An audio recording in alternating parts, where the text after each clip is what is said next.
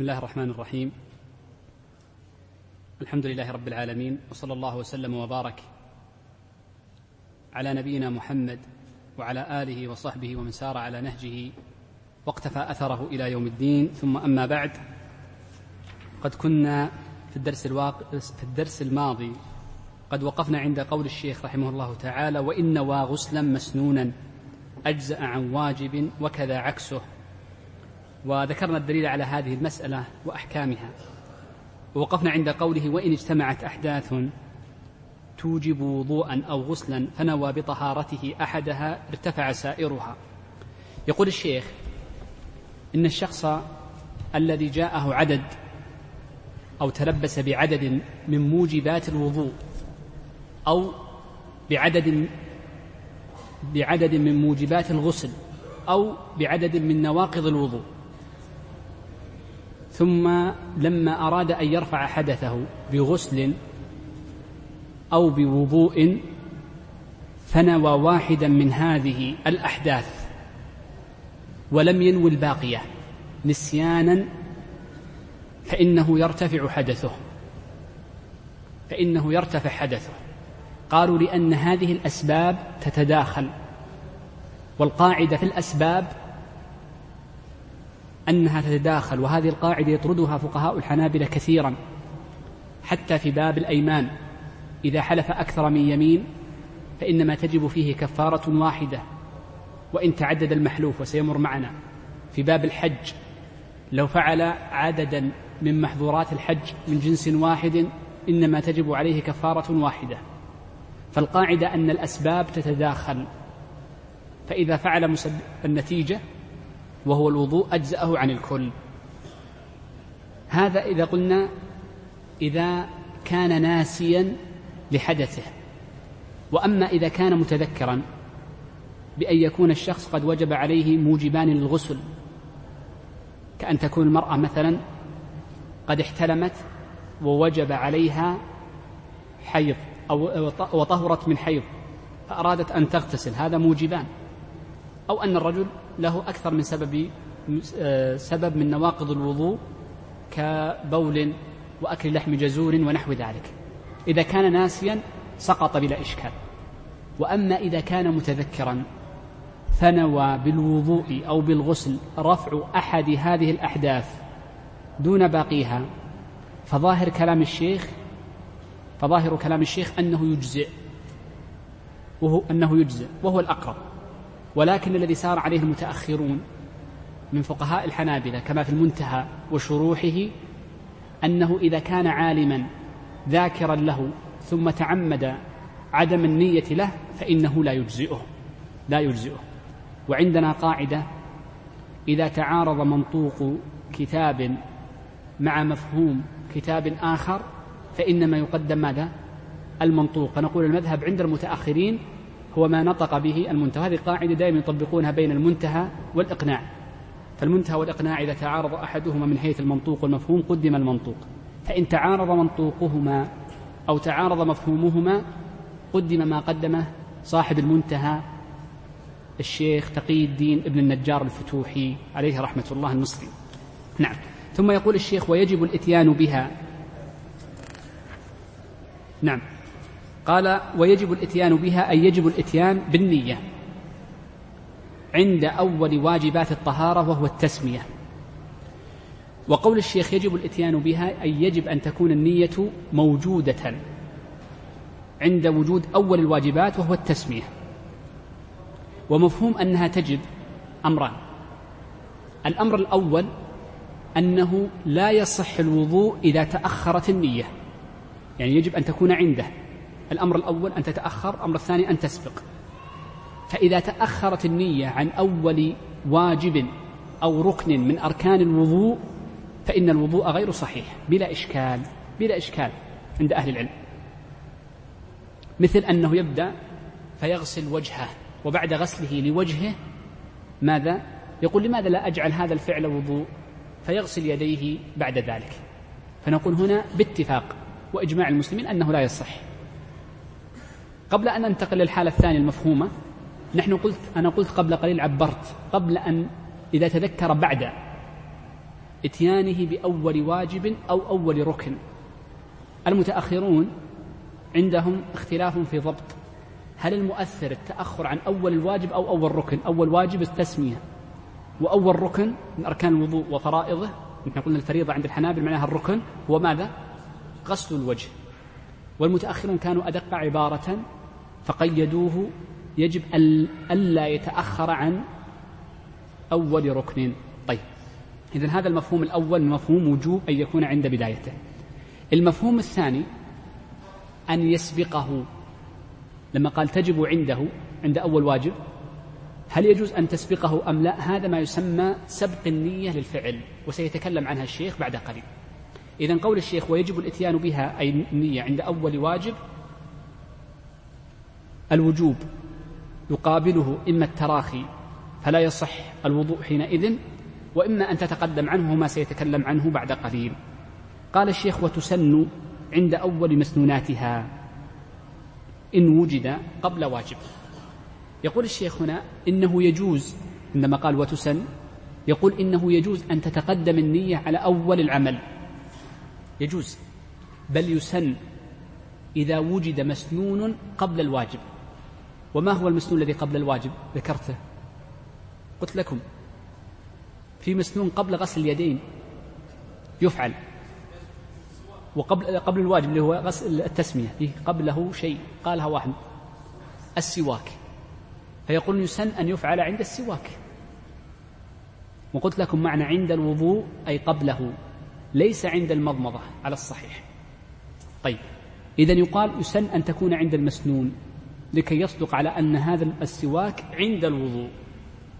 فإن تقدم قبل ذلك قبل السواك وهو ينوي نقول أيضا يصح أن تتقدم على الوضوء لكن بشرط ألا يكون الفصل طويلا. وعلى ذلك لو أن امرأ خرج من الغرفة التي هو فيها متجه إلى دورة المياه ليتوضأ ثم سرح. إيش معنى سرح؟ يعني جاءه سرحان. ثم جاءه السرحان فلم يتذكر النية إلا وهو يغسل وجهه. هنا لم يذكر النية عند أول الفعل وهو غسل الوجه أو أو التسمية ولم يذكره عند الذي قبله إن كان قد تسوك. ولكن ذكره ماذا؟ قبله لكن بفترة يسيرة خمس عشر دقائق الأمر سهل وفعله متجه له فنقول يجزئه يجزئه. ولذلك يقولون مسائل النية أولا مصاحبتها لأول العمل استصحابها وسنتكلم عن الاستصحاب بعد قليل. نعم.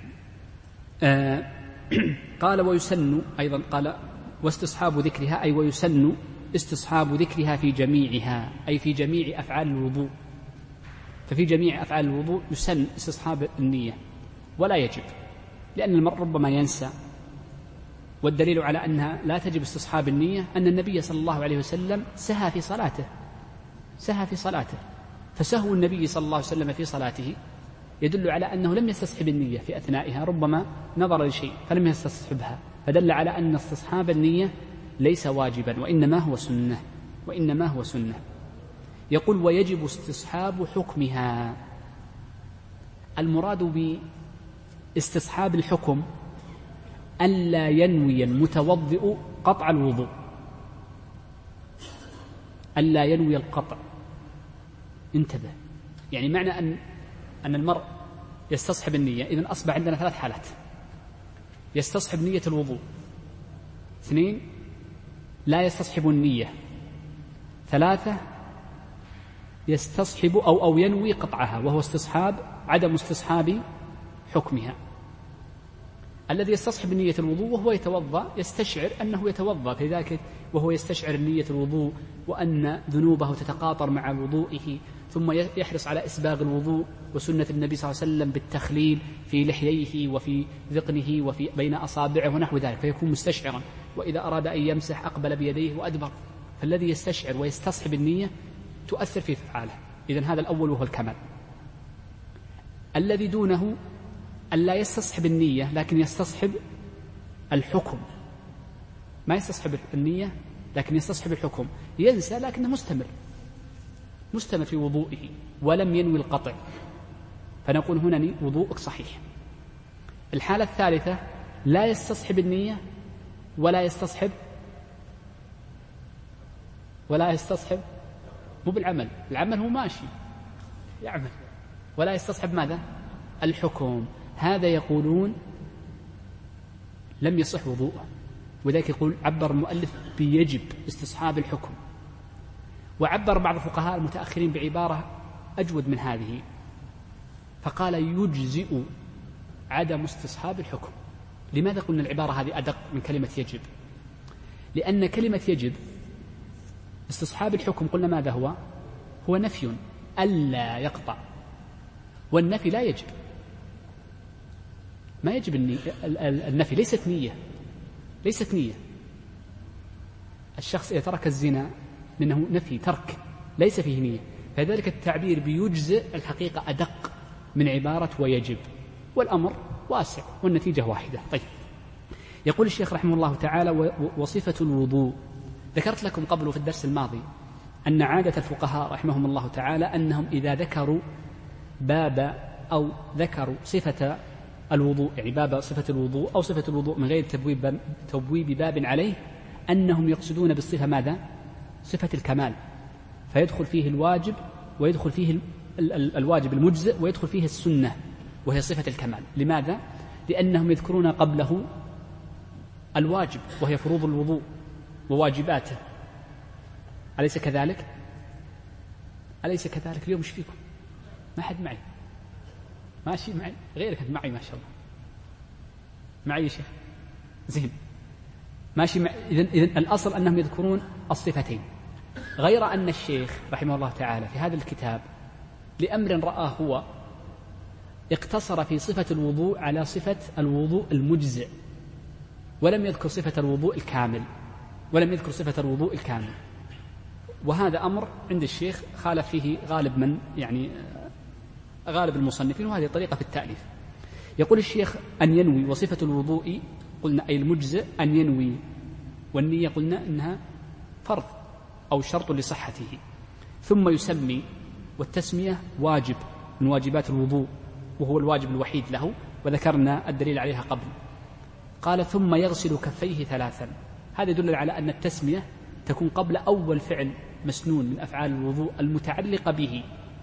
وهو غسل اليدين غسل الكفين ثلاثا وتكلمنا عنها. لماذا ذكرنا هنا ذكر أن الغسل ثلاثا؟ ليشمل الغسل الواجب والغسل المستحب. الغسل الواجب ثلاثا إذا استيقظ من نوم ليل فيجب عليه أن يغسله ثلاثا. وذكرنا دليل حديث أبي هريرة عليها سابقا.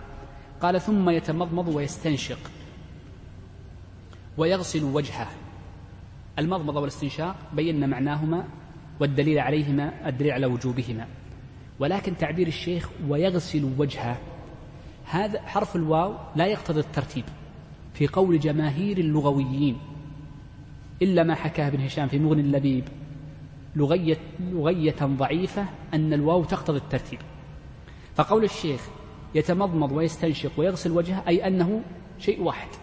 فقد يقدم المضمضة والاستنشاق وقد يؤخره وكلاه جاهز وكلاهما جائز. ولكن السنة ماذا؟ البداءة بهما. البداء بالمضمضة والاستنشاق بأن يعني يبدأ بهما قبل وجهه وذكرناها في سنن الوضوء قبل. قال ويغسل وجهه. بدأ الشيخ في ذكر مسألة مهمة وهي حد الوجه. فقال من منابت الشعر أو من منابت شعر الرأس إلى من حدر من اللحيين والذقن طولا. هذه المسألة فيها من الفقه مسائل أو فيها نقف عند بعض كلماتها. لما قال الشيخ ويغسل وجهه من منابت الشعر سنتكلم الآن عن منابت الشعر إلى من حدر من اللحيين هذا. هذا من وإلى. هذا التحديد من وإلى هل هو متعلق بصفة الوجه أم هو متعلق بالغسل؟ نقول متعلق بالثنتين. ما معنى ذلك؟ إذا قلنا إنه أراد بذلك الوجه فإنما أراد بهذا التحديد بيان الوجه الذي يجب غسله. وإن أراد به صفة الغسل فنستفيد أنه يلزم أن يأتي الماء من علو إلى سفل فيبدأ بوجهه يبدأ من العلو إلى السفل لأن الغسل لا يسمى غسلا إلا بالسيلان لا بد أن يسير الماء. والوجه هكذا مواجهة سمي وجه وجه لأنه من المواجهة.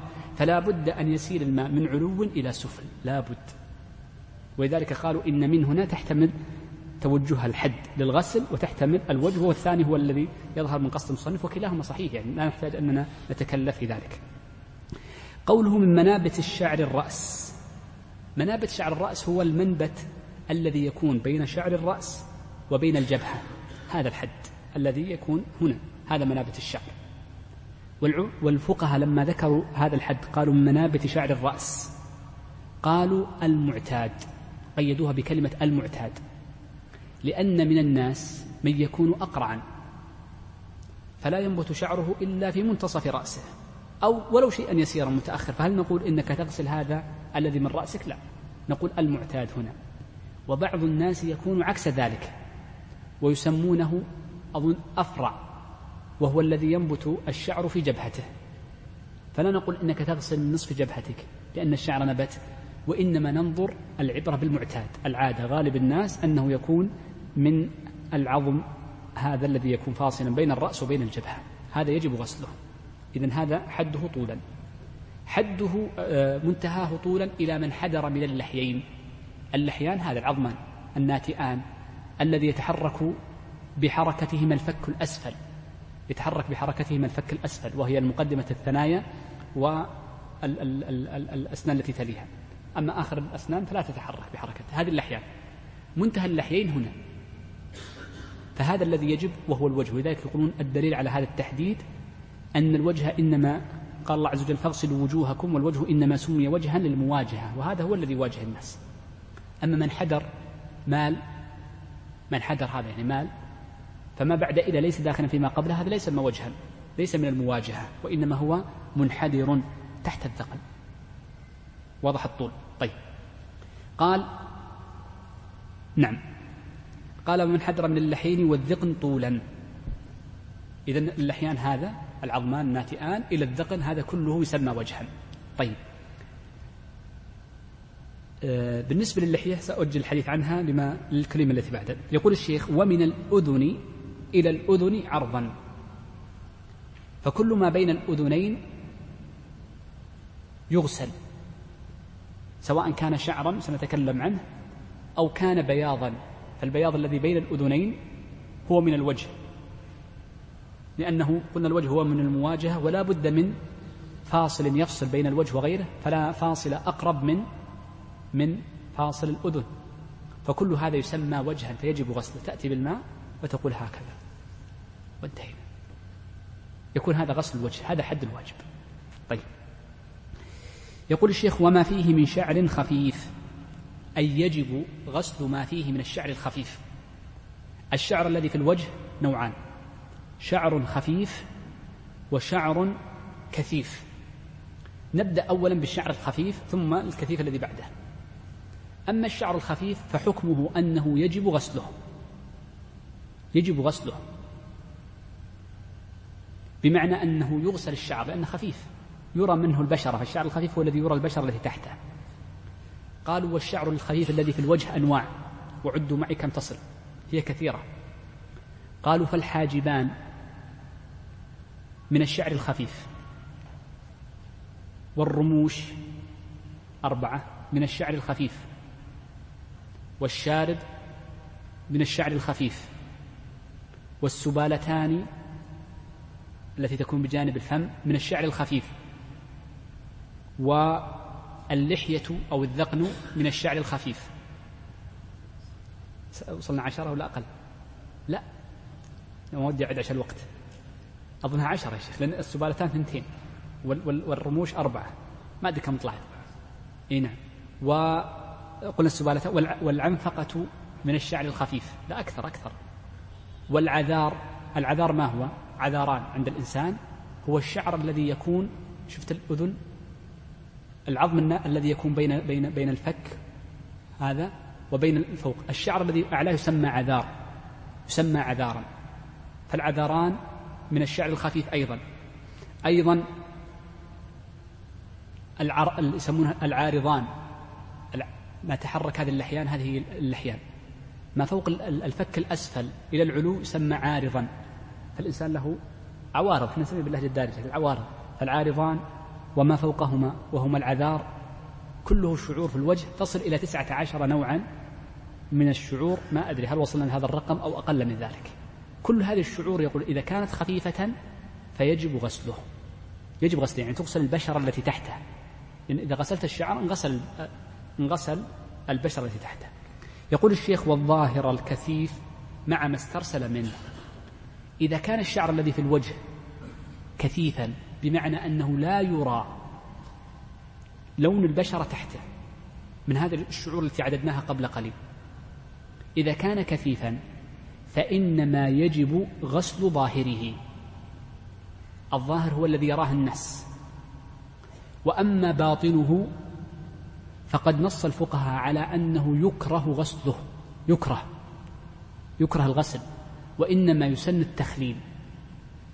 كيف يكون غسل الباطن. يأتي الشخص وشعره كثيف ويأتي بماء ويدعكه. نقول هذا خلاف. ليس مقصودا. هذا الشعر الباطن الذي لا يرى لا يغسل يكره.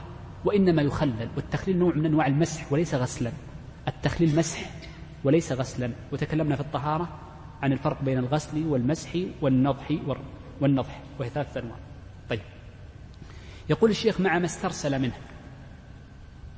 ما استرسل هو ما زاد عن حد الوجه. الشخص إذا كانت له لحية ومن نفس الحكم في الشعر الرأس للمرأة أو الرجل. إذا كانت له لحية وهذه اللحية زائدة عن وجهه ما استرسل من اللحية يغسل ظاهره وباطنه يخلل. هذا الذي يزيد عن حد الوجه هل يجب غسله؟ ما زاد. أم لا يجب غسله؟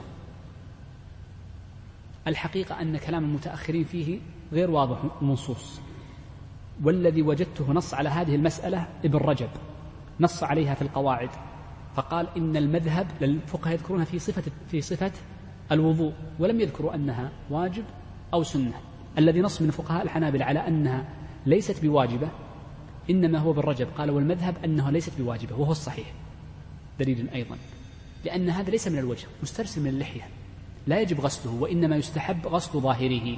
والدليل عليه أن الله عز وجل إنما أمر بغسل الوجه وغسل ما ستر حد الوجه وهو ما كان موافقا للوجه فما زاد وهو مسترسل فإنما غسله من السنة أو من المستحب وليس بالواجب. غسل ماذا؟ الظاهر دون الباطن الباطن إنما يستحب التخليل. طيب. قال ثم يديه مع المرفقين.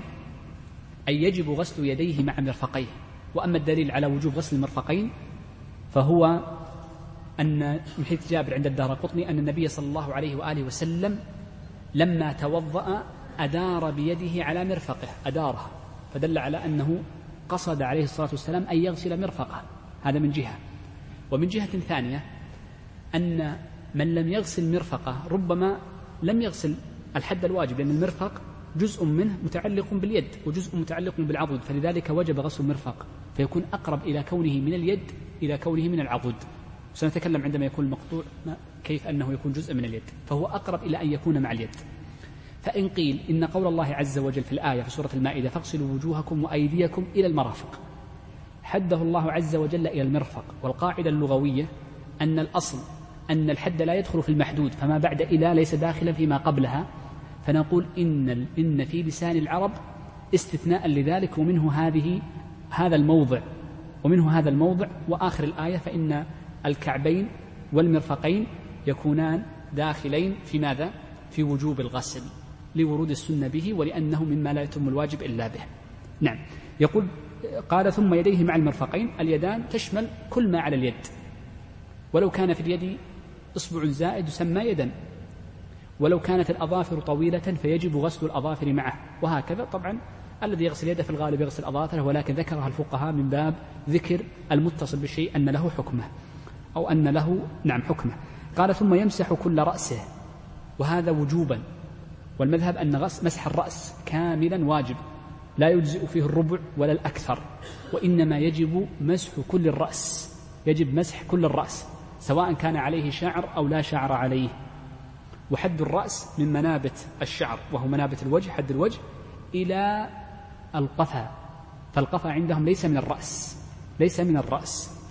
والجانبان وهما الصدغان من الرأس عندهم فيجب مسح الرأس كاملا. والسنة فيه كما في حديث عبد الله بن زيد في الصحيح أنه يقدم يقبل بيديه ويدبر يبدأ من ناصية رأسه. نعم. قال ثم يمسح كل رأسه مع الأذنين. المراد بالأذنين هما الأذنان التي نعرفها. والدليل على أن مسحهما واجب أنه قد ثبت عن النبي صلى الله عليه وآله وسلم أنه قال الأذنان من الرأس. وقد جاء هذا الحديث من غير من طريق غير صحابي رضوان الله عليهم فدل على أن مسح الأذنين من الرأس. فالرأس يجب فيه المسح فتمسح الأذنان. والحد الواجب عندهم في مسح الأذنين مسح الظاهر مسح ظاهر الأذن. ظاهر الأذن هو الذي يكون واجبا مسحه. قال مرة واحدة أي لا يمسح الرأس إلا والأذنان إلا مرة واحدة وجوبا ويمنع إما منع كراهة أو تحريم الزيادة عليه. لا يجوز الزيادة على مسح. لما ثبت من حديث علي وعثمان وابن عباس رضي الله عنهم أن النبي صلى الله عليه وسلم توضأ وما مسح رأسه إلا مرة. والقاعدة تمر معنا أن كل ممسوح في الطهارة لا يشرع فيه التكرار سواء كان جبيرة سواء كان حائلا سواء كان عمامة خفا أو كان مسح رأس. الممسوحات لا تمسح إلا مرة واحدة لا تكرر. قال ثم يغسل رجليه مع الكعبين. والمراد بالكعبين هما العظمان الناتئان بجانب الرجل. ويجب غسلهما للآية وقلنا إن إلى في الآية هنا بمعنى مع بمعنى مع وهي فصيحة في لسان العرب. والرسول صلى الله عليه وآله وسلم لما رأى رجلا في عقبه في عقبه آه، بياض أمره النبي صلى الله عليه وسلم أن يعيد وضوءه مما يدل على أن غسل الكعب واجب لأن العقب يشمل جزءا من الكعب. نعم. والنبي صلى الله عليه وسلم يعني قال ويل للأعقاب من النار لما رأى ذلك الرجل. آه، قال ويغسل الأقطع بقية المفروض. طيب. هذه مسألة مع التي مع الجملة بعد. خلينا نأخذ الجملة. يقول ويغسل الأقطع بقية المفروض فإن قطع فإن قطع من المفصل غسل رأس العضد منه. الأقطع من هو؟ الذي قطع جزء من أعضائه كيده أو رجله. وهذا الأقطع له ثلاث حالات. نذكر الحالات ثم نذكر كلام الشيخ. الحالة الأولى أن يكون قد بقي من من محل الفرض شيء كأن يقطع إلى نصف ذراعه أو تبقى ذراعه كاملة ونحو ذلك أو يقطع نصف ساقه. فهذا يجب غسل ما بقي. يجب غسل ما بقي. إلى المرفق أو إلى الكع... مع المرفق ومع الكعبين. وهذه لم يذكرها المؤلف لأنها واضحة ما فيها أي إشكال. الحالة الثانية أن شو يقول ويغسل نعم أن يكون القطع من المفصل المرفق أو من جهة الكعب. فهنا يقولون يغسل ما بقي من المرفق. لماذا؟ لماذا؟ اذكروا تعليل. قطع من المرفق. دائما القطع في الغالب أنه يكون من المفاصل لكن لو قطع من المرفق أو قطع من الرجل قطعت الرجل من الكعب من المفصل فيقولون يغسل الذي بقي من مرفقه. والسبب؟ فقلنا قبل قليل. سمي شيخ. والسبب أن المرفق والكعب من الرجل ومن اليد. فيجب غسله أصلا يجب غسله أساسا. إحنا قلنا مع إلى في القرآن هنا في هذه الآية بمعنى مع. فيجب غسله أساسا. فلما قطع بقي بعضه فيجب أن تغسل المحل الباقي من المرفق أو من الكعب. وضحت الثانية؟ طيب. الحالة الثانية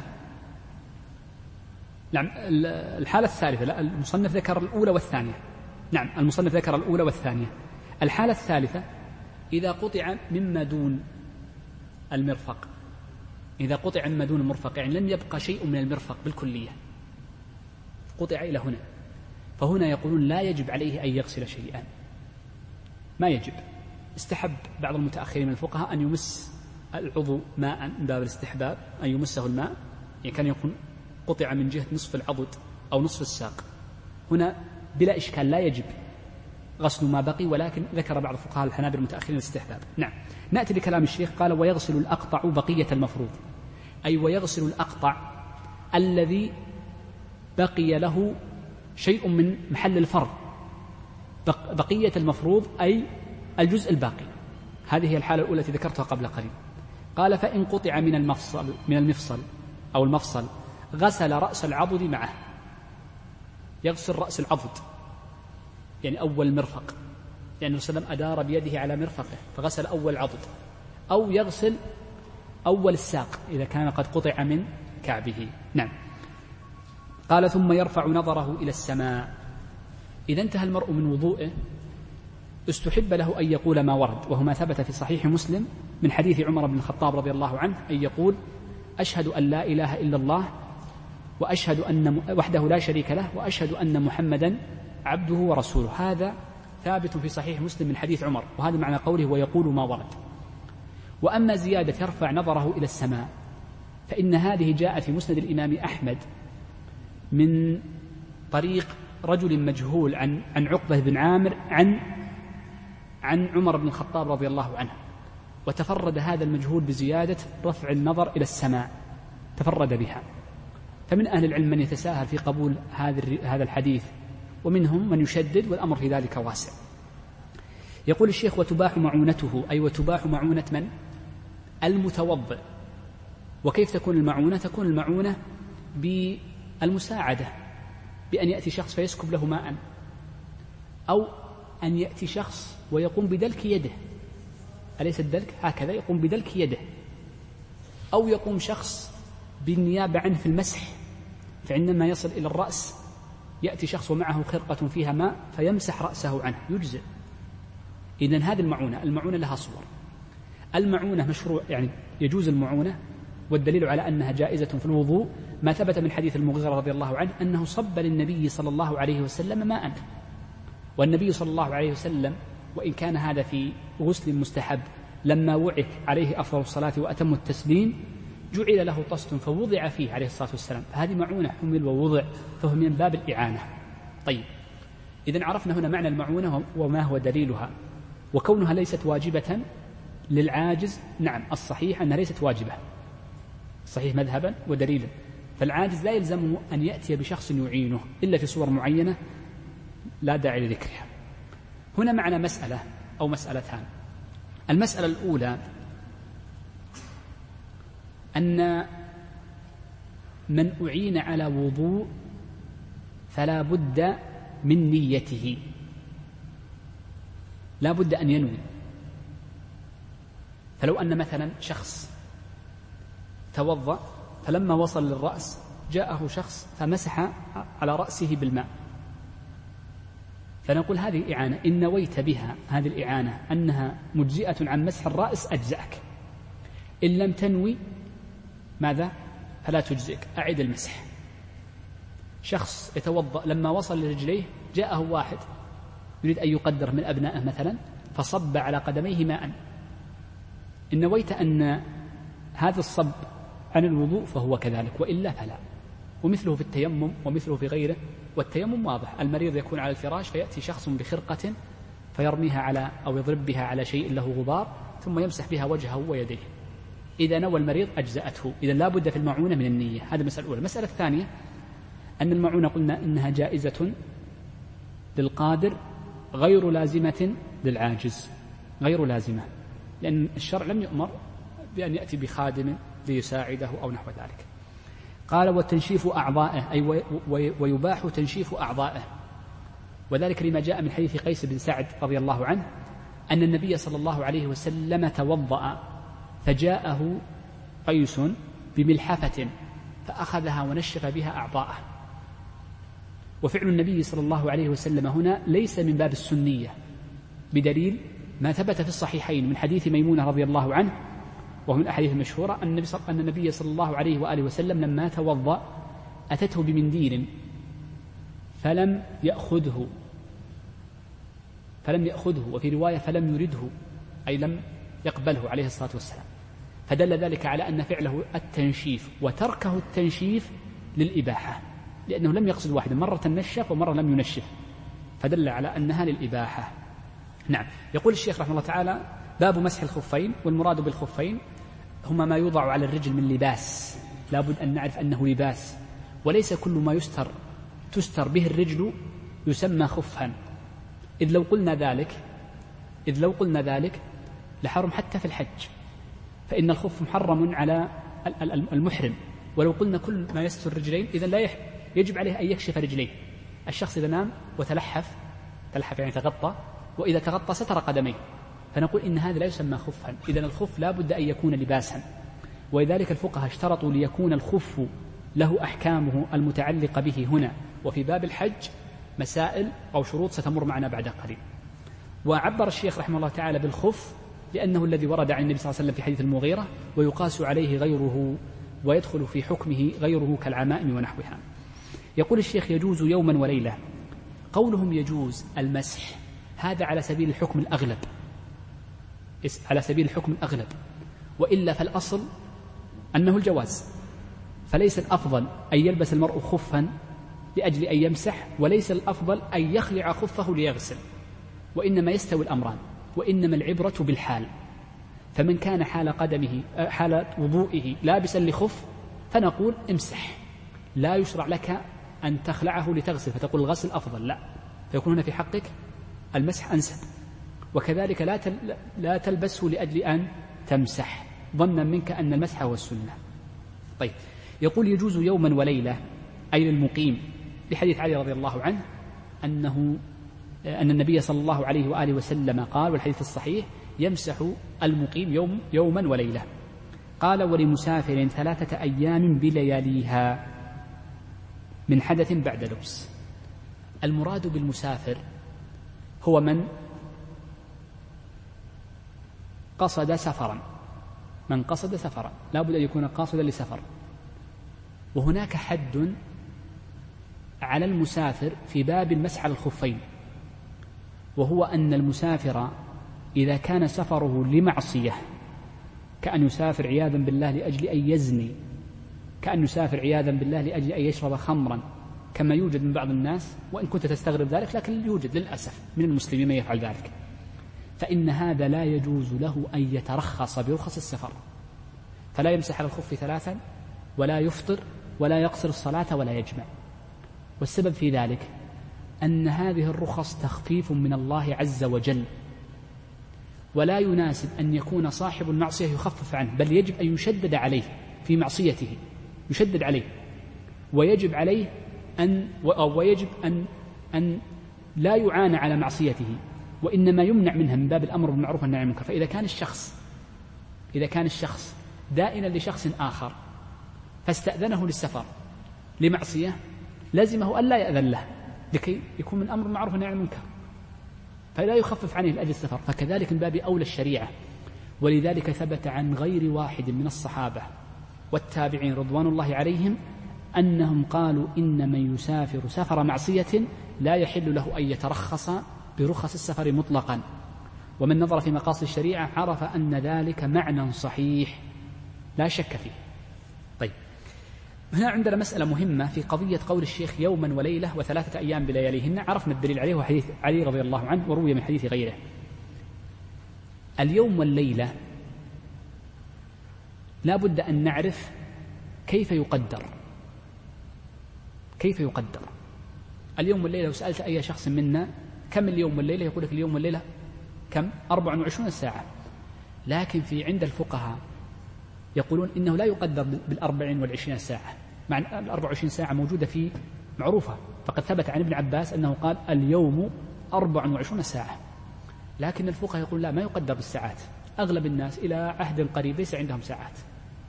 فهل نقول إن الشرع أناط بمناط وقدر بشيء لا يعرفه الناس ولم يستطيع أن يدركه غالب الناس 1400 سنة أو أقل من ذلك يسير؟ لا يمكن. إذا اليوم والليلة يقدر في الشرع هنا وفي باب قصر الصلاة وفي غيرها بالصلوات. إذا يوم وليلة كم صلاة؟ كم صلاة؟ كم صلاة مشاهد لا صاحي معي. أشوفك كأنك نايم. طيب. إذا خمس صلوات. وثلاثة أيام بلياليهن كم صلاة؟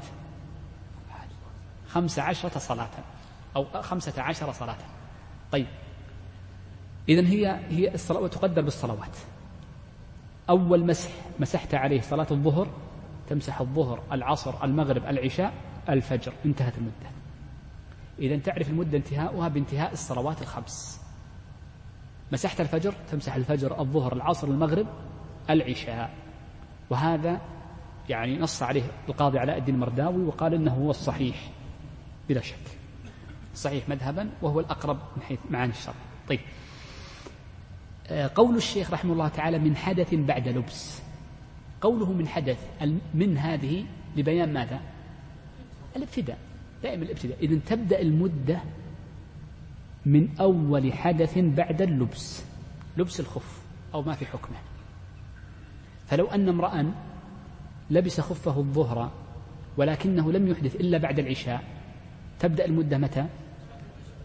تبدأ من بعد الحدث وتحسب الصلوات من الفجر فما بعدها. الصلوات الخمس. فتحسب من بعد العشاء. فيعتبر كأن العشاء كله غير محسوب. يعني كأنه داخل فيه. إذا من من من أول حدث بعد اللبس. عندي مسألتان المسألة الأولى السهلة وهي الدليل على هذا الشيء. ما الدليل على أن بدايته من من الحدث بعد اللبس؟ حديث علي الذي قلنا قبل قليل وهو قول النبي صلى الله عليه وسلم يمسح المقيم يوم وليلة ويمسح المسافر ثلاثة أيام بلياليهن. يعني يمسح مسحا إيش؟ واجبا. لا بد أن يكون مسحا واجبا. والمسح الواجب متى يبدأ؟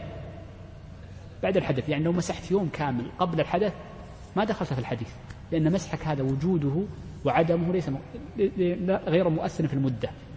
يمسح مسحا واجبا. يمسح مسحا واجبا لأن الحديث جاء مخرج بيان الواجب وليس بيان الوضوء المستحب. إذا عرفنا الدليل. هنا بس مسألة في قضية عبارة المصنف. المهم جدا أن تعرف كيف أن الفقهاء يحترزون. ولذلك إذا إذا إذا ارتضت في كلام الفقهاء واعتدت على مصطلحاتهم أصبح في كلام الشخص فيه محترزات ودقة في كلامه. الفقهاء قالوا من حدث بعد لبس أو من أول حدث بعد لبس. لماذا لم يقولوا من أول مسح بعد الحدث؟ أليست النتيجة واحدة؟ لماذا قالوا شوف لو قلنا أول حدث هي خمس صلوات. هي هي. أعيد العبارتين؟ أعيد العبارتين ولا واضح؟ العبارة الأولى لو قلنا من من حدث بعد لبس أو أو من أول حدث بعد اللبس. العبارة الثانية من أول مسح مسح بعد بعد حدث. أو أول حدث من بعد مسح بعد أول حدث. اللي قلت لك قبل شوي وأطلعت كيف ما الفرق بين العبارتين؟ من حيث النتيجة واحدة. وهي ماذا؟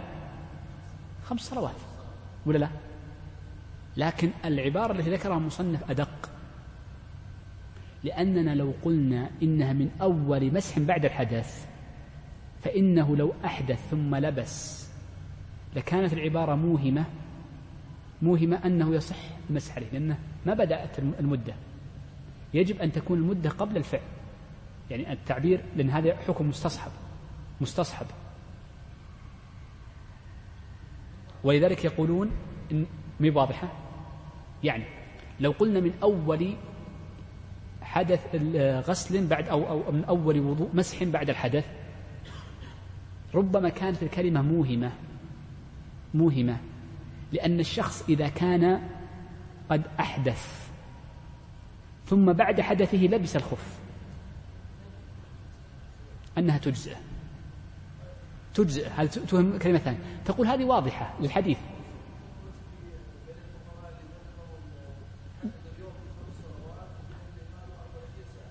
وأيضا هذه لأن الشيخ عبد محمد عليه رحمة الله هو انتصر لهذه اللفظة الثانية لأجل 24 ساعة. كلام صحيح. هو الشيخ بناها عليه غيرها لأجل ذلك. أحسنت. لكن أنا ما أبغى أدخل في هذه. أحسنت. هو الذي قيدها الشيخ محمد الصالح عليه رحمة الله العثيمين طبعا. لكن لا أريد أن أدخل في هذه الجزئية لأنها أصلا نقاش فيها مسألة أخرى. طيب. إذا فهمت فهمت القيد لماذا قلنا هذا الشيء؟ أو لستم معي؟ طبعا الفقهاء يقول غير موجود لكن لو كان الشخص لابسا لخف ثم لما أحدث وكان الخف وسيعا ثم أحدث وربط عليه بعد الحدث يقول غير مجزئ. هنا لابس الخف قبل وأدخل الخف على طهارة لكنه كان واسعا غير ساتر للفرض. فوجد بعض شروطه لم تتحقق إلا بعد الحدث نقول إنه غير مجزئ. لذلك خرجوها على هذه الكلمة. طيب ما بقي أظن إلا عشر؟ عشر ها؟ طيب. يقول الشيخ أستعجل على طاهر أي لا بد أن يكون الخف طاهرا. إذ لو كان نجسا أصلا لا يجوز.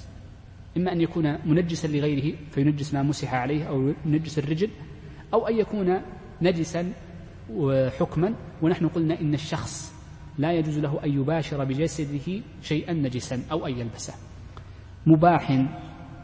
أي لا بد أن يكون مباحا. فالمحرم كالمغصوب والمسروق وما كان من شيء محرم كجلد ميتة ونحوه لا يجوز. ساتر لفرض أو ساتر للمفروض.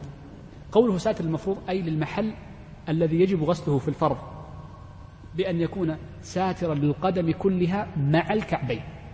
فيجب أن يكون ساترا للكعبين لأن قلنا إن الكعبين يجب غسلهما فهما من الفرض محل الفرض فيجب غسله يجب أن يكون ساترا. والدليل على كونه ساترا أن المسح بدل عن الغسل فيجب أن يكون البدل ساترا لمحل الفرض كاملا. هذا كلامهم قال يثبت بنفسه هذا هو الشرط الرابع أنه لا بد أن يكون ثابتا بنفسه ومرادهم بثابت بنفسه أن يكون مفصلا على هيئة القدم فإذا مشى الشخص لا يسقط.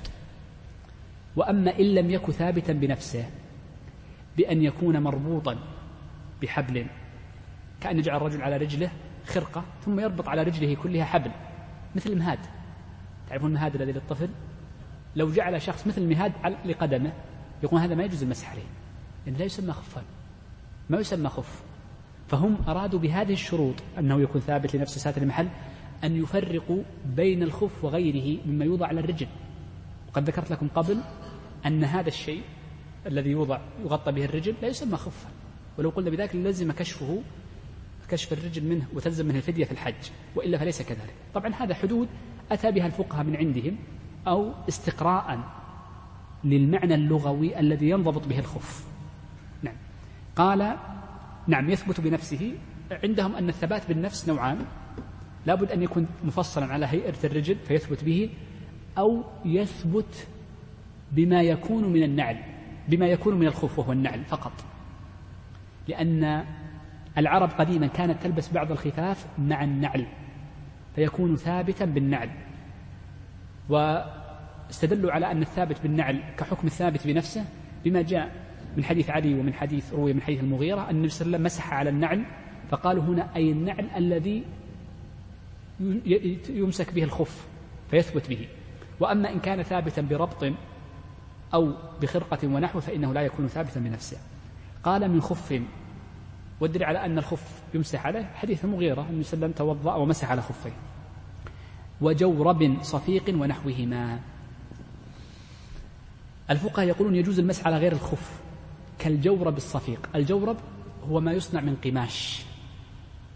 ولكن لا بد أن يكون هذا القماش صفيقا. فلا يكون خفيفا لرقته. رقيق جدا. أو لقدمه مهترئ. إما لنعومته أو لاهتراءه فالجورب لا بد أن يكون صفيق يعني يعني يكون يكون قماشه ثقيل جدا.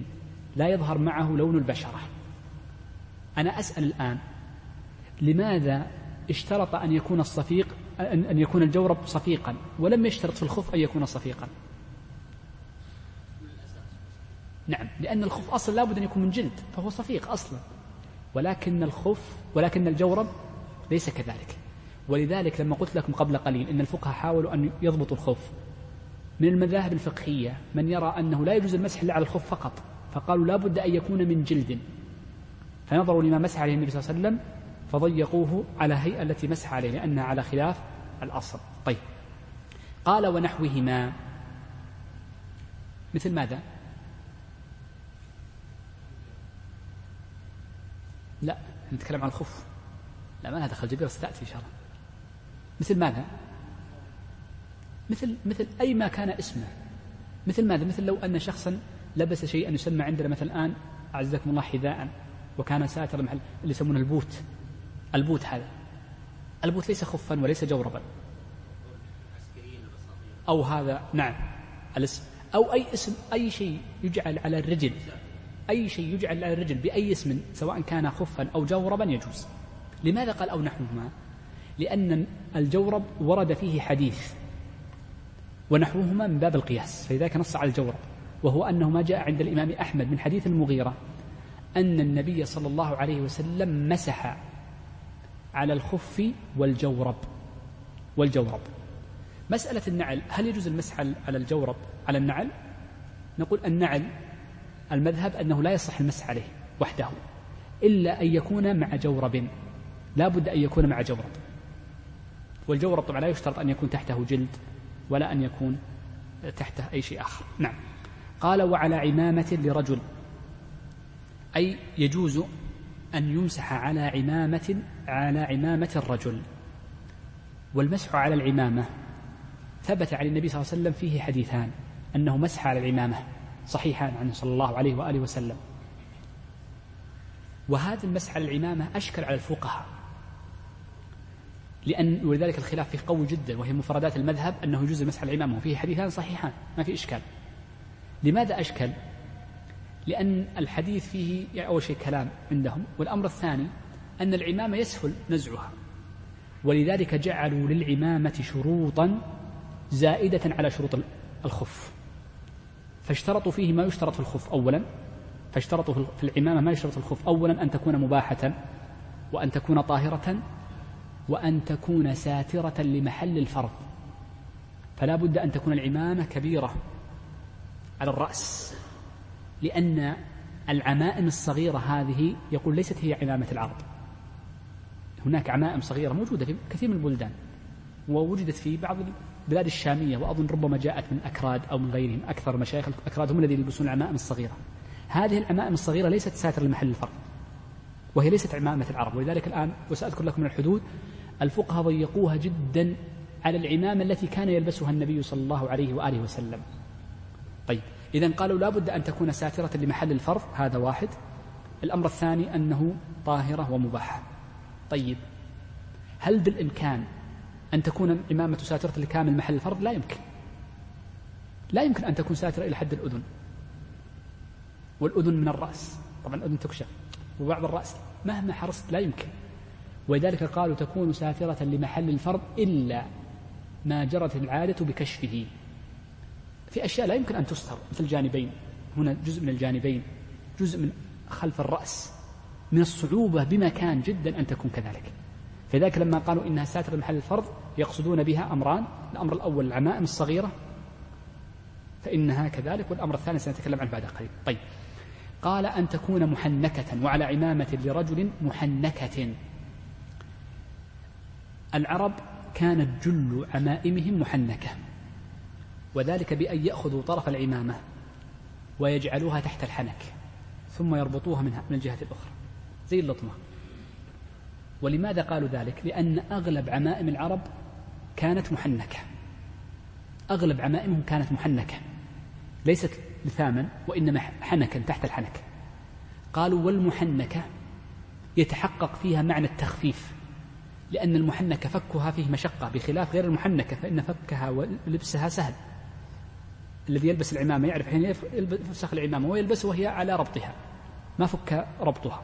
ولكن المحنكة إذا فكت فيها مشقة فيها مشقة. طيب. قال أو ذات ذؤابة. لأن النبي صلى الله عليه وسلم عمم عبد الرحمن بن عوف وجعل له وأرخى الذؤابة خلفه شبرا. ولذلك يقولون العمامة المصمتة خلاف السنة. العمامة التي ليس لها طرف. ليس لها طرف مطلقا خلاف السنة لا حنك ولا ذؤابة طبعا لم يأتي نص على منع من طول ذئابة معينة بعض الناس يقول هذا إسراف كما في عمام عمائم الأخوة السودانيين طويلة جدا. يقول لم يأتي نص في المنع من الطول ولكن روي من حديث عبد الرحمن أنه, أنه جعل ذؤابته شبرا. فالعمامة المصمتة خلاف السنة ولذلك الإمام أحمد لما سئل عن العمامة المصمتة قال أكرهها. ففهم منها فقهاء الحنابلة أن العمامة المصمتة لا يمسح عليها لأنها فيها كراهة. ونحن قلنا كل كل ممنوع لا يترخص له وهذه رخصة. فعندهم أنه لا يمسح لها والمسألة فيها روايتان في المذهب. طيب. قال وخمر النساء وخمر نساء مدارة تحت حلوقهن. أي ويجوز المسح لحديث سلمة؟ أن تمسح المرأة طبعا ليس الرجل. والعمامة للرجل. فلو فرضنا أن امرأة عممت رأسها عممت رأسها فنقول ما يجوز لها أن تمسح. وكان يتصور التعمم قبل فترة قديمة. يعني عندما تأتي المرأة فتربط على رأسها كان بعض النساء العرب قديما الآن لا يوجد. تعمم رأسها أحيانا إذا كانت كبيرة في السن فنقول لا يشرع لها أن تمسح على العمامة. وإنما تمسح على الخف لحديث أم سلمة. على عفوا على خمارها لحديث أم سلمة. بشرط أن يكون الخمار مدارا تحت العنق. لأن الخمار هذا الذي مسحت عليه أم سلمة رضي الله عنه كان هكذا هيئته. قال في حدث أصغر أي لا يجوز المسح على الخف وعلى العمامة وعلى الخمار إلا في الحدث الأصغر وأما في الحدث الأكبر فيجب نزعها يجب وجوبا. أما الجبيرة فيجوز في الحدث الأكبر ذلك فصلها. قال وجبيرة أي ويجوز المسح على الجبيرة لأنها عطفه على ماذا؟ على كلمة أولى يجوز. وقال بعض أهل العلم بل الصواب أن نقول إنها عزيمة. عزيمة لأنه يجب المسح على الجبيرة. إذا ما مسحت على الجبيرة وأنت قادر سقط محل عضو فيجب المسح. ولكن نقول يعني آه، الشيخ قال من باب العطف يعني من باب أنه يجوز حكما لا في حالة بعينها. طيب. آه الجبيرة عندهم أمران على المذهب طبعا. أمران. الأمر الأول ما كان طبعا أمر والثاني ملحق به. الأمر الأول عندهم ما كان يغطي العضو سواء كان يغطي العضو كاملا أم لا سواء كان جبسا أو شاشا أو قماشا أو بلاستيك اللصق كل هذا يسمى جبيرة. كل ما ستر عضو من أعضاء الجسد ولو جزءا منه يسمى جبيرة لأجل جرح أو علاج. طبعا لابد أن نعرف أن الجبيرة لابد لها سبب. فسواء كانت من جبس لأن بعض الأخوان يسمع جبيرة فيظن أن الجبيرة في اللغة الدارجة جبس. لا جبس أو لصق حتى لو كانت صغيرة يسمى جبيرة هذا الصغير اللصق المدور الذي على مقدار الأم له يسمى جبيرة. وسواء كان من قماش أو من شاش ونحو ذلك كل ذلك يسمى جبيرة. الغترة لو لففتها لأجل جرح يسمى جبيرة. كل هذا يسمى جبائر. هذا الأمر الأول. الأمر الثاني عندهم ملحق بالجبيرة الدواء الدواء الذي له جرم. بعض الأدوية التي لها جرم ملحقة بالجبيرة فتأخذ حكمها؟ فهناك أدوية تمنع وصول الماء. مثل يقولوا عبروا قالوا ولو قارا اللي هو زيت ال... إحنا نسميه بالدارجة نسهل نقول قار. قار اللي هو يوضع أحيانا على الجلد لأجل بعض الأمراض. يقول هذا له حكم الجبيرة. بقيت الحالة الثالثة التي عندهم ليست لها حكم الجبيرة لو كان العضو مكشوفا ولكنه لا يستطيع أن يوصل الماء إليه فهل يشرع المسح على العضو؟ واحد يده فيها حرق. معي؟ أو فيها حساسية ولم يجعل عليها دواء يمنع وصول الماء. يقول لكني لو غسلتها أمرض. هل يشرع لي المسح؟ المذهب لا. ما دام لا يوجد شيء على على على العضو فلا يجوز المسح. لأنهم قالوا إنما جاء الحديث في الجبيرة إنما يكفيه أن يشد على رأسه في حديث ابن جابر ثم يمسح عليه فقط. والحديث يعني اتفق الفقهاء أغلبهم على العمل بهذا الحديث. طيب قال لم تتجاوز قدر الحاجة. طيب هنا مسألة مهمة وهي قضية ما معنى مجاوزة؟ انتهى الوقت. أنا ودي أنهي الباب. ما أنهينا باب لا الأخوان مشددين علي طيب باخذ خمس دقائق بحاول أشد ما يمكن أنهي الباب. تسمحون نزيد اليوم ربع ساعة؟ الذي يريد أن يخلي لنا الأسبوع القادم لا درس. فبودي أن أنقذ أنهي باب المسح على الأقل أنهي بابا أحسن. ربع ساعة وسأستعجل في الحديث. طيب إذا إحنا قلنا لم تتجاوز قدر الحاجة. هنا معنا مسألتان في قضية لم تتجاوز قدر الحاجة. ما معنى قدر الحاجة؟ ليس معناها أنها تغطي الجرح فحسب بل مقدار الجرح وما تثبت به. فالجبيرة إذا انكسرت اليد هذا المحل وتحتاج إلى زيادة لكي تثبت الجبيرة جبيرة الكسر وكذلك الجرح إذا كان مغطى فلا بد من محل يوضع فيه محل الغراء الذي يكون في لصق الجروح إذا المراد بالحاجة مكان الحاجة وما تثبت به ما يزيد عليه عرفا. هنا ما تثبت به ترجع للعرف. والعرف أن اللصق هذا اللصق هكذا يباع كبير فهم يزيدون من هنا ربما من جهتين أكبر من مقاس الجرح فهو معفو عنه طيب إذا هذا معنى إذا لم تتجاوز قدر الحاجة. إذا جاوزت قدر الحاجة شوف إذا جاوزت قدر الحاجة بأن كان الجرح يسيرا وجاء ولف عليها لفة كبيرة ما الذي يشرع له؟ قالوا إذا كان مستطيعا لخلعها وجب عليه خلعها وجب وجب عليه خلعها. فإن لم يخلعها وضوءه غير صحيح ويجب عليه يعيد الوضوء ويعيد الصلاة. هذا واحد. إذا كانت الجبيرة قد جاوزت محل الفرض ولكنه لا يستطيع خلعها لأن خلعها ربما يؤثر في الجرح أو ربما يفسد هذا هذه الجبيرة هذا اللصق واللصق عند هذا مكلف ماديا أو لأي سبب آخر أو مؤلم أو أو أو غير ذلك من الأسباب. فهنا جاوزت لغير حاجة وفي نزعها مشقة. فالمذهب يقولون يبقيها. ولكن يتوضأ ثم يتيمم. إذا وصل للعضو الذي زادت الجبيرة ولا يمكن نزعها فيتيمم عندها. إذا صار لنا ثلاث حالات.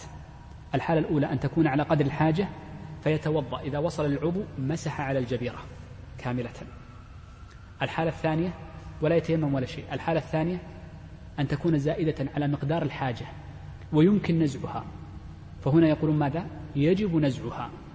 وغسل العضو الزائد أو المكان المقدار الزائد.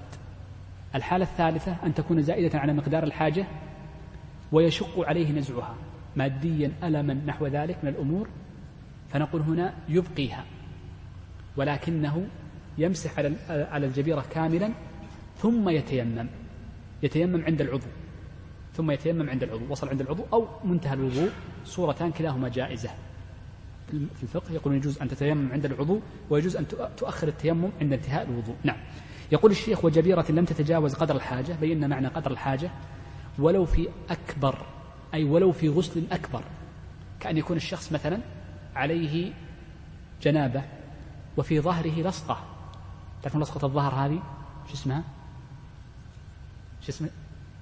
جنس زين؟ لا لها اسم ثاني أبو كذا. وفي ظهره لصقة. اللصقة هذه وضعها لحاجة أو لغير حاجة. لحاجة إذا ما يجب عليه نزعها. لكن لو جعلها من باب الديكور يجب نزعها. فهنا يجب عليه المسح. مسح يغسل جسمه إلا هذه اللصقة يمسحها. طيب إن قال ما أبغى أمسحها أبغى أغسلها مع الجسم. نقول يجزئ. غسل ممسوح من من هذا الحائل يجزئ. إذا لم يكن فيه إتلاف للعضو كان يدخل الماء للعضو أو في إتلاف للجبيرة. فهو مجزئ في هذه الحالة. طيب قال إلى حلها أي تبقى الجبيرة منتهاها ليست مؤقتة بيوم ولا بليلة ولا بغير ذلك إلى حلها إلى أن تحل يعني إلى أن يفك الجبيرة ولو بعد سنة أو أكثر أو أقل. لكن لها شرط واحد قال إذا لبس ذلك بعد كمال الطهارة. وهذا إذا لبس ذلك أي لبس العمامة ولبس الخمار ولبس الجبيرة أيضا على كمال طهارة. أما في العمامة والخمار فلا شك. لأن قياس اثنين لأن قياس هذين الاثنين على على الخف واضح وبين. والنبي صلى الله عليه وسلم قال في في الخف دعهما فإني قد أدخلتهما طاهرتين. وهذا بلا إشكال. وأما وأما الجبيرة فإن الفقهاء ألحقوها بالخف في ذلك في حديث المغيرة. قالوا لأنها حائل كسائر الحوائل التي يمسح عليها فتلحق بها.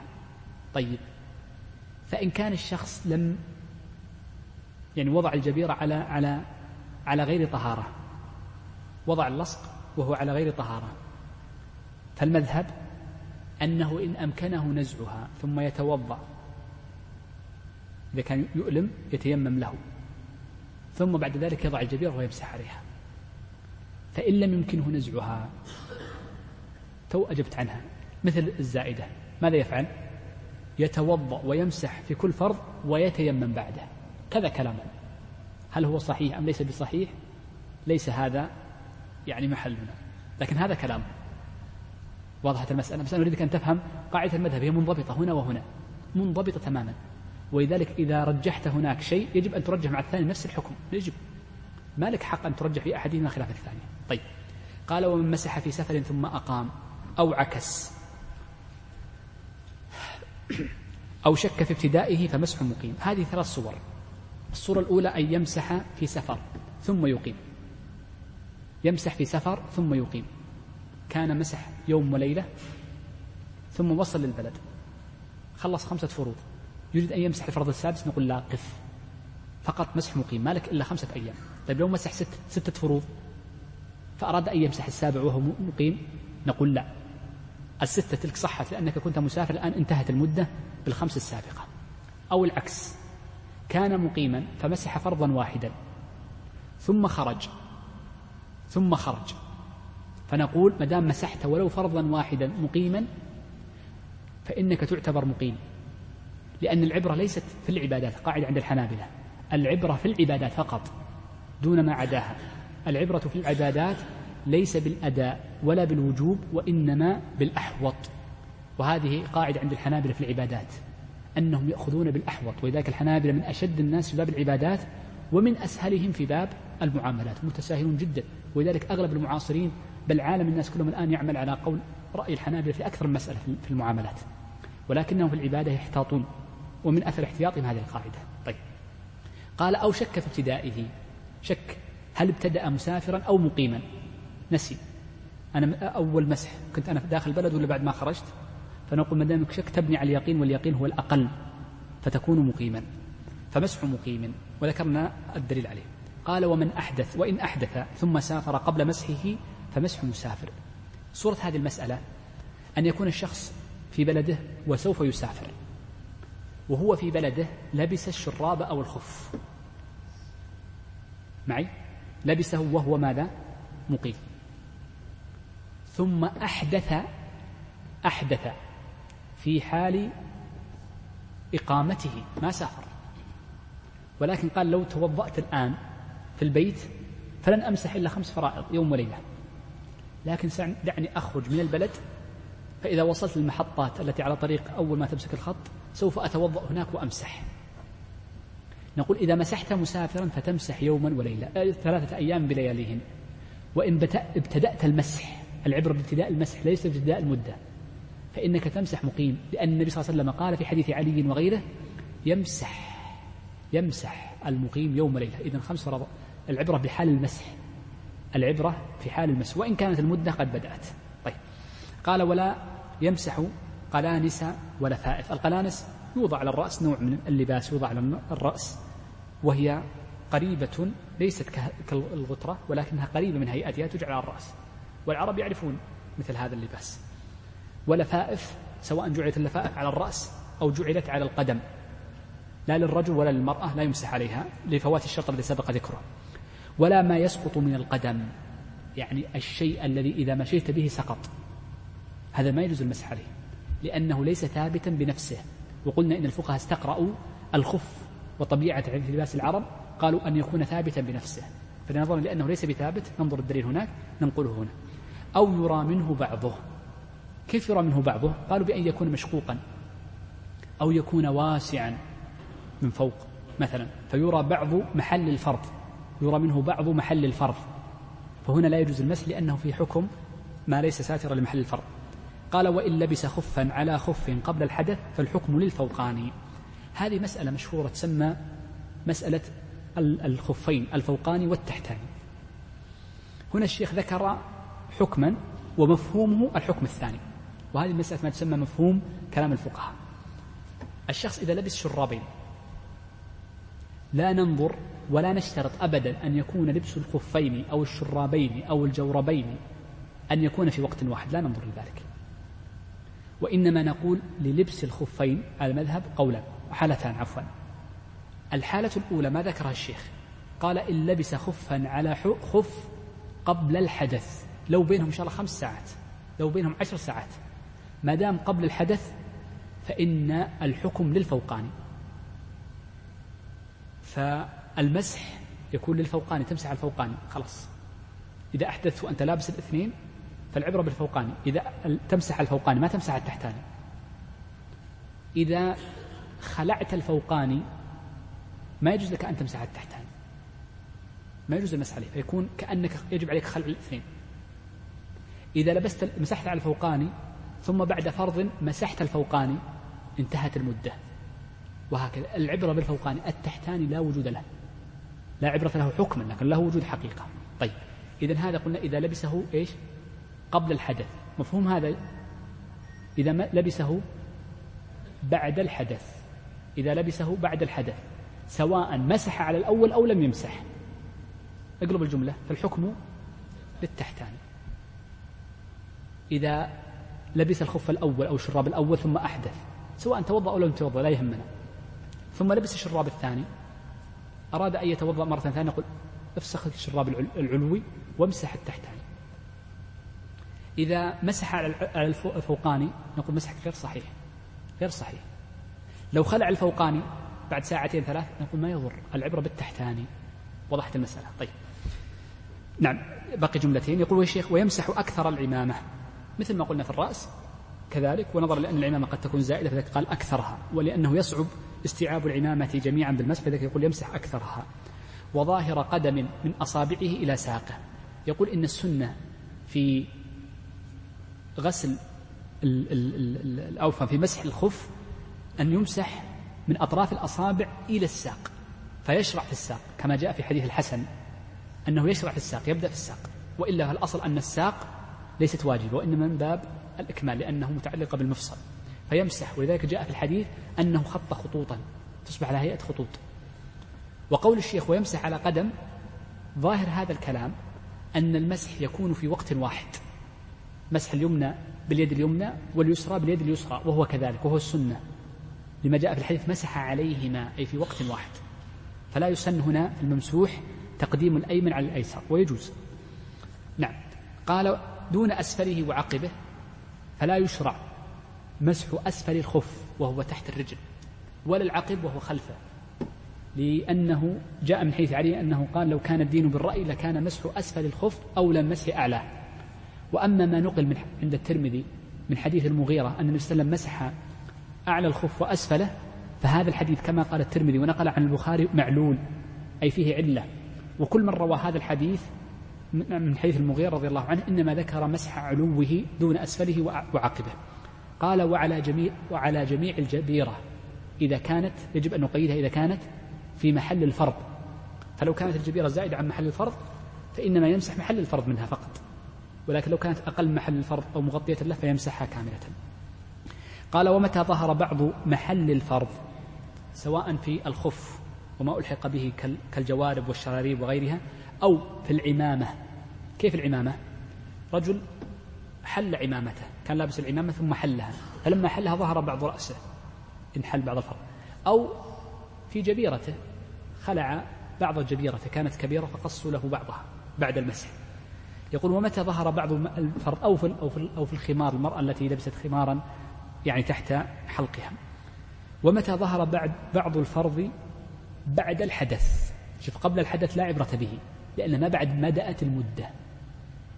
فلذلك لا يحسب. ولذلك قلنا هذه فائدة التعبير بأنه بعد الحدث المدة تبدأ والحكم يتعلق ببعد المدة بعد الحدث وليس بعد المسح. أو تمت مدته فيما يقدر بالمدة وهو العمائم والخفاف والخمر. استأنف الطهارة بمعنى أن المذهب يرى أن انتهاء المدة ناقض للوضوء.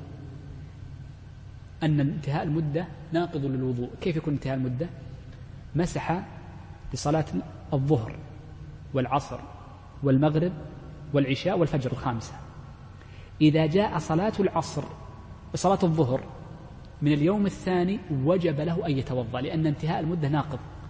ودليلهم أن النبي صلى الله عليه وسلم قال يمسح. ما زاد عن الخمس خلاص. ولأن عندهم أن أن المسح مبيح وليس رافع. ولأنه خلاف القاعدة فيقدر بقدره ولا يزاد عليه. هذا المذهب. في خلاف نعم في خلاف. الأمر الثاني أنهم يرون أن ظهور محل الفرض الذي ذكرناه قبل قليل يكون ناقضا للوضوء أيضا. ناقض. ناقض. لأن محل خروج محل الفرض الرسول يعني كأنه خلعه. والرسول قال له دعهما فلا تخلعهما فالخلع عنده في حكم الناقض. هذا المذهب من رأى الرأي الثاني فيرى أنهما ليس بناقضين وإنما انتهاء المدة والخلع يمنع استمرار المسح فقط وليس ناقضا والمسألة معروفة ومشهورة. بذلك من هذا الباب.